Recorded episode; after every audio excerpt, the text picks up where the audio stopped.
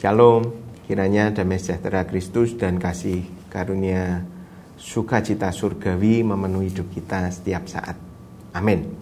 Saudara, um, Rasul Paulus ketika dia menggambarkan hubungan di dalam jemaat, beberapa kali dia memakai perumpamaan tentang tubuh Kristus. Ya, itu ada di uh, Roma, Korintus, Kolose, dan Efesus. Nah, di Roma pasal 12, Rasul Paulus uh, dia menceritakan ragam karunia dan tugas pelayanan melalui ilustrasi tubuh Kristus. Kemudian di dalam 1 Korintus 12 itu juga sama. Rasul Paulus menjelaskan perumpamaan itu sebagai kekayaan karunia-karunia itu ayat 1 sampai 11. Tapi kemudian uh, mulai ayat 12 um, sampai selanjutnya itu Rasul Paulus membicarakan sesuatu yang berbeda. Nah, saya akan bacakan dulu 1 Korintus 12 ayat 12. Karena sama seperti tubuh itu satu dan anggota-anggotanya banyak dan segala anggota itu sekalipun banyak merupakan satu tubuh. Demikian pula Kristus. Nah, di ayat 12 ini Rasul Paulus sekali lagi menggunakan perumpamaan tubuh Kristus. Tapi kali ini bukan diartikan untuk karunia dan panggilan pelayanan. Uh, kita akan lanjut ke ayat 13 saya akan bacakan. Sebab dalam satu roh kita semua baik orang Yahudi maupun orang Yunani, baik budak maupun orang merdeka telah dibaptis menjadi satu tubuh dan kita semua diberi minum dari satu roh. Di sini Rasul Paulus menyampaikan dalam satu roh. Kita semua artinya bahwa kita semua sudah disatukan dalam roh Tuhan. Nah, siapa yang disatukan? Ini yang menarik. Dikatakan di sana ada orang Yahudi maupun orang Yunani ada budak maupun orang merdeka. Saudara, dua jenis kelompok manusia ini saling bertentangan. Orang Yahudi itu tidak suka atau tidak akur dengan orang Yunani. Orang Yahudi itu memandang dirinya adalah makhluk paling mulia di antara manusia lainnya karena dia yakin bahwa dia adalah keturunan Abraham, orang yang dirahmati oleh Allah pencipta semesta alam. Nah kalau orang Yunani, mereka tidak suka pada orang Yahudi. Karena dianggapnya mereka itu tidak memiliki pengetahuan. Orang Yahudi itu picik dan cuma fanatik agama. Itu pendapat orang Yunani. Jadi baik orang Yahudi maupun orang Yunani masing-masing merasa lebih mulia dari manusia lainnya. Tapi kata Rasul Paulus di dalam Yesus tadi yang kita baca, sebetulnya dua-duanya itu telah menyatu di dalam roh Tuhan. Kemudian ilustrasi lainnya, baik budak maupun orang merdeka. Ini juga bertolak belakang, saudara. Budak itu tidak pernah dianggap setara dengan manusia yang merdeka. Nah, orang yang merdeka pada masa itu kalau dibandingkan dengan budak mereka tidak mau. Mereka merasa lebih mulia dari budak. Nah, di sini kita mulai mengerti, saudara. Ada satu kebenaran yang Rasul Paulus fahami tentang menjadi satu di dalam Yesus. Dan ini yang dia lakukan ini melalui uh, menulis surat ini dia sedang berusaha merubah apa yang terjadi di dalam gereja. Karena kebenaran ini sumbernya adalah kerendahan hati Tuhan. Nah, kebenarannya adalah bahwa di dalam Tuhan Yesus setiap orang itu setara meskipun berbeda. Nah, kalau kita bisa memahami kebenaran ini, Saudara, kita tidak akan kesulitan untuk mengasihi semua orang. Begini, Saudara. Ini harus jadi prinsip orang percaya. Supaya apa? Supaya kematian kita nanti tidak sia-sia kalau kita pulang ke surga nanti, Tuhan Yesus bisa tersenyum bangga pada kita dan menyambut kita. Saudara, Rasul Paulus menjelaskan pakai anggota tubuh uh, Kristus itu supaya kesetaraan itu dibangun di dalam gereja. Karena baik itu kaki, tangan, telinga maupun mata, mereka itu sama-sama setara dan disebut sebagai ya kalau kaki ya kakinya Kristus, kalau tangan tangannya Kristus, kuping kupingnya Kristus, mata matanya Kristus. Nah, kita akan baca 1 Korintus 12 ayat 18 dan 21. Tetapi Allah telah memberikan kepada anggota masing-masing secara khusus suatu tempat pada tubuh seperti yang dikehendakinya. Nah, ayat 18 bilang Tuhan telah memberi tempat secara khusus kepada setiap orang percaya.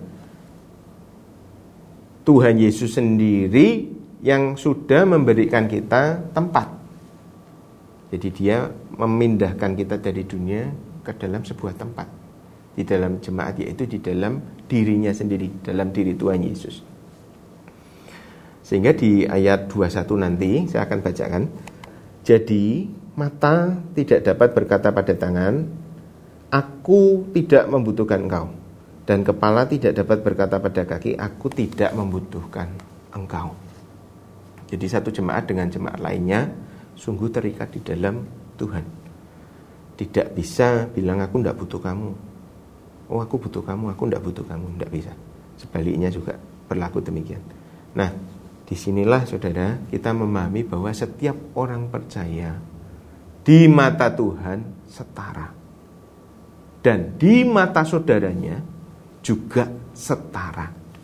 Derajatnya sama, status kehormatannya sama, kastanya sama yaitu sama-sama pewaris kerajaan surga sama-sama putra dan putri Bapa di surga.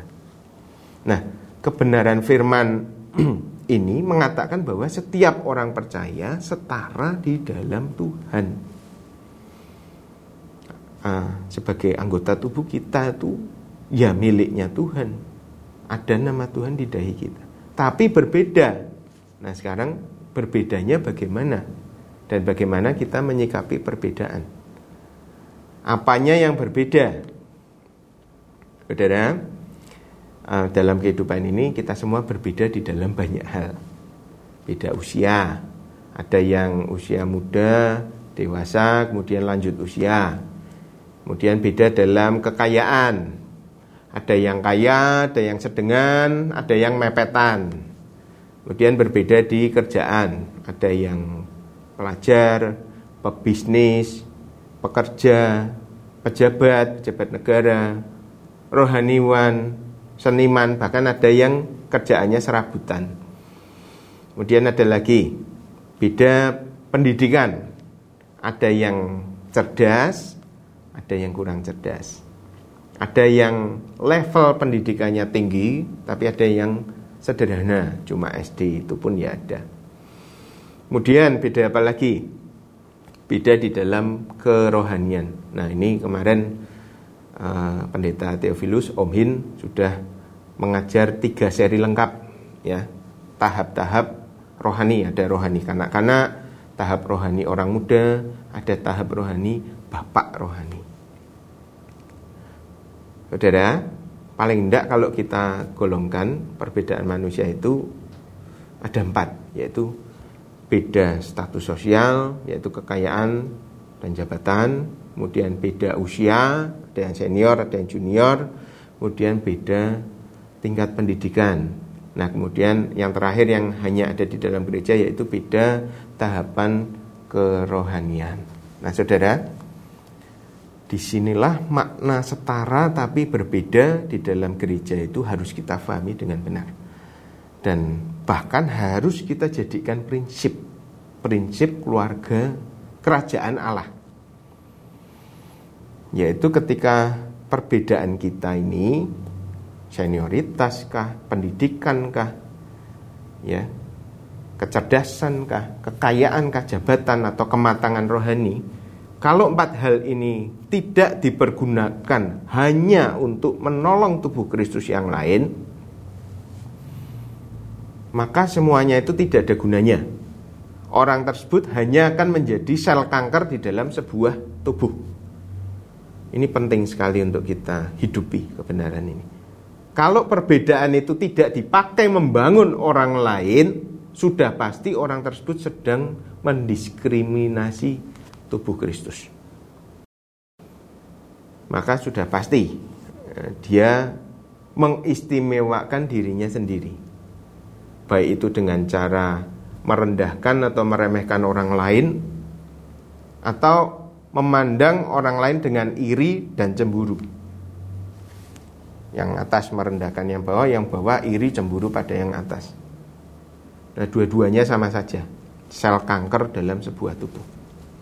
Orang-orang yang minatnya hanya pada diri sendiri. Nah, ini wujudnya belum tentu congkak atau merendahkan orang lain kayak tadi itu. Ada juga yang uh, seperti tadi, yaitu wujudnya bisa jadi iri hati, kemudian cemburu, dan hasilnya apa nih menarik diri, mengisolasi dan menjauhkan diri dari persekutuan tubuh Kristus. Tidak lagi datang ke gereja, tidak lagi datang persekutuan, karena dengan jalan demikian dia sedang mengistimewakan dirinya sendiri di dalam apa ya? Di dalam ilusi kesombongan diri. Saudara, orang yang meremehkan orang lain dan orang yang minder dan mengisolasi diri itu sama-sama congkak. Yang satu karena posisinya itu superior, yang satu di posisi inferior. Tapi dua-duanya sama aja. Mereka sedang jadi sel kanker di dalam tubuh. Minatnya cuma pada diri sendiri. Mengistimewakan diri. Tidak ada nilainya buat Tuhan Yesus. Tidak ada nilainya buat Tuhan. Sikap kayak gini ini hidupnya sia-sia. Padahal firman Tuhan jelas. Dia pakai perumpamaan anggota tubuh. Sekarang, misalnya fungsi mata pada tubuh. Memang mata itu kan harus mendapat nutrisi supaya bisa bulat ya, bisa jadi bola mata yang tumbuh berkembang dengan sempurna. Tapi kan sejatinya mata itu kan memberi eh, manfaatnya itu bukan buat mata itu sendiri. Tapi dampak mata yang sehat, mata yang bulat, yang gemuk, yang baik, itu dampaknya adalah untuk seluruh tubuh. Yaitu supaya badan ini tidak nabrak-nabrak, supaya bisa tubuh ini supaya bisa diarahkan, diarahkan pada kehidupan. Nah, memang mata ini dia harus ngambil manfaat pertumbuhan bagi dirinya sendiri. Tapi bukan hanya itu tok setelah dia mendapatkan cukup nutrisi bagi dirinya sendiri, kemudian bola mata itu bisa tumbuh dengan sempurna, maka manfaatnya harus jadi untuk seluruh tubuh. Demikian juga anggota tubuh yang lain, sama. Nah, inilah yang disebut sebagai perbedaan apa pun keadaan kita, memang kita harus memperhatikan dan merawat diri sendiri, kita memang berbeda dan harus bertumbuh, harus merawat diri sendiri, harus mandiri, harus apa mengembangkan diri sendiri tapi segala kelebihan, keunggulan, kemampuan kita itu harus jadi manfaat buat banyak orang. Nah, ini namanya setara tapi berbeda. Ini harus jadi nilai di dalam kekristenan, di dalam keberjemaatan. Kita akan baca ayat 25 sampai 27. Saya akan bacakan. Supaya jangan terjadi perpecahan dalam tubuh. Tetapi supaya anggota-anggota yang berbeda itu saling memperhatikan. Karena itu, jika satu anggota menderita, semua anggota juga turut menderita. Kalau satu anggota dihormati, semua anggota turut bersuka cita. Kamu semua adalah tubuh Kristus dan kamu masing-masing adalah anggotanya. ayat di bawahnya kembali uh, Rasul Paulus itu mengambil ilustrasi ini untuk uh, apa namanya menggambarkan karunia-karunia. Ya. Saudara, firman Tuhan menegaskan supaya jangan terjadi perpecahan di dalam tubuh. Supaya tiap orang itu tiap orang yang berbeda itu saling memperhatikan. Karena kalau satu anggota tubuh Kristus menderita, semua turut menderita. Bahkan Tuhan Yesus pun turut merasakan penderitaan itu. Tapi kalau satu anggota dihormati, semua anggota turut bersuka cita. Dan sukacita Tuhan yang mengikat gereja tersebut. Sebab kita semua adalah satu tubuh Kristus. Amin.